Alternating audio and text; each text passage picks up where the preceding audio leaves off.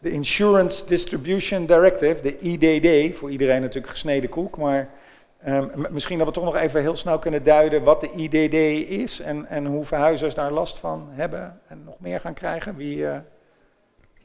Ja, dat is ook weer een van die onderwerpen die uh, jullie niet het leukste zullen vinden, maar wel heel belangrijk uh, is. is en er is ook al het een en ander over gepubliceerd. maar ehm, de IDD is eigenlijk een Europese regelgeving die uh, in heel Europa voorschrijft dat als je gaat bemiddelen in verzekeringen, dat je dan een vergunning moet hebben. Daar komt het op neer. Ja. Uh, en dat is gewoon in het verleden werd daar vanuit Nederland, uh, vanuit de autoriteiten redelijk soepel mee omgegaan. Als je inderdaad een verzekering verzorgde ten behoeve van je klant. maar die Europese regelgeving is daar vrij strikt in. Ehm, en de verwachting is dat het Europese Hof dat ook in heel Europa zal toepassen. Ehm, en dat betekent dat je dus op moet passen dat je als bemiddelaar vergunningplichtig bent. En daarom is, uh, heb ik begrepen, ook inmiddels in ieder geval voor jullie vereniging een vergunning aangevraagd. Zodat dat probleem daarmee opgelost is. Maar pas op dat je niet gaat zitten hobbyen, uh, als, uh, noem ik het dan maar even eerbiedig omdat je dan als bemiddelaar aangemerkt kan worden. Dus hou je binnen de regels zoals die ook afgesproken zijn en binnen de vereniging onder die vergunning gelden.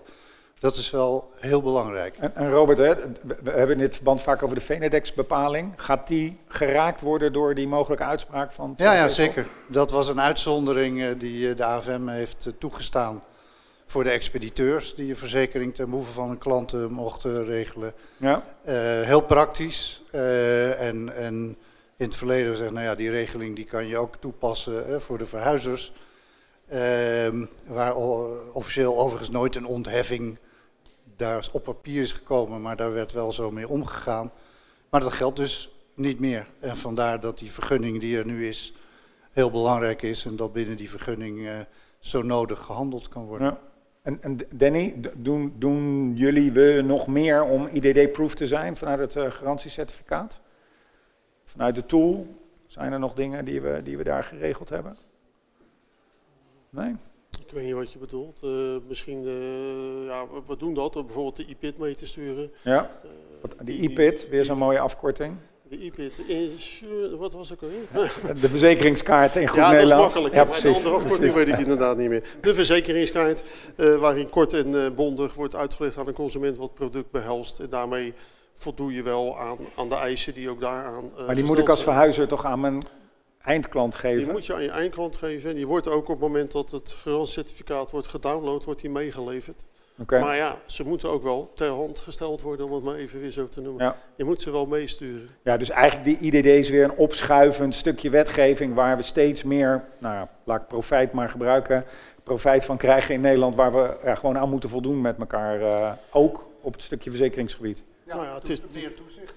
Het is meer toezicht en het is wat Robert net zegt. Ik bedoel, de stap dat... Uh, feitelijk verhuizen is met uh, verhuisproducten ook als bemiddelaars gezien gaan worden, verzekeringsproducten. En, en, Robert, jij zegt meer toezicht. Verwachten we dan ook de AFM op bezoek bij grote verhuizers? Of wat is jouw inschatting daarvan? Nou, dat, uh, dat wil ik nou niet uitspreken om hier de vergadering niet uh, somber te stemmen. maar de ervaring is wel dat, dat als, dit, als er een, een, een signaal komt bij de AFM, en dat kan natuurlijk gebeuren, dat je de pineut kan zijn. Ja. En uh, dus ik ja, loop daar alsjeblieft geen risico mee, want uh, als je daarmee te maken hebt, dan ben je ook nog niet uh, jarig. Nee.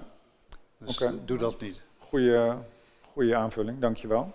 Maar mag ik nog één ding zeggen zonder reclame te maken, maar over, nee, niet voor ons kantoor, maar over dat Europese verzekeringscertificaat. Want ik vind nog wel één aspect wat ik van belang vind, is denk dat je niet uit het oog moet verliezen, en ik heb er geen enkel commercieel belang bij, maar een discussie uh, tussen de verzekeraar en de klant is een andere dan tussen de klant en de verhuizer.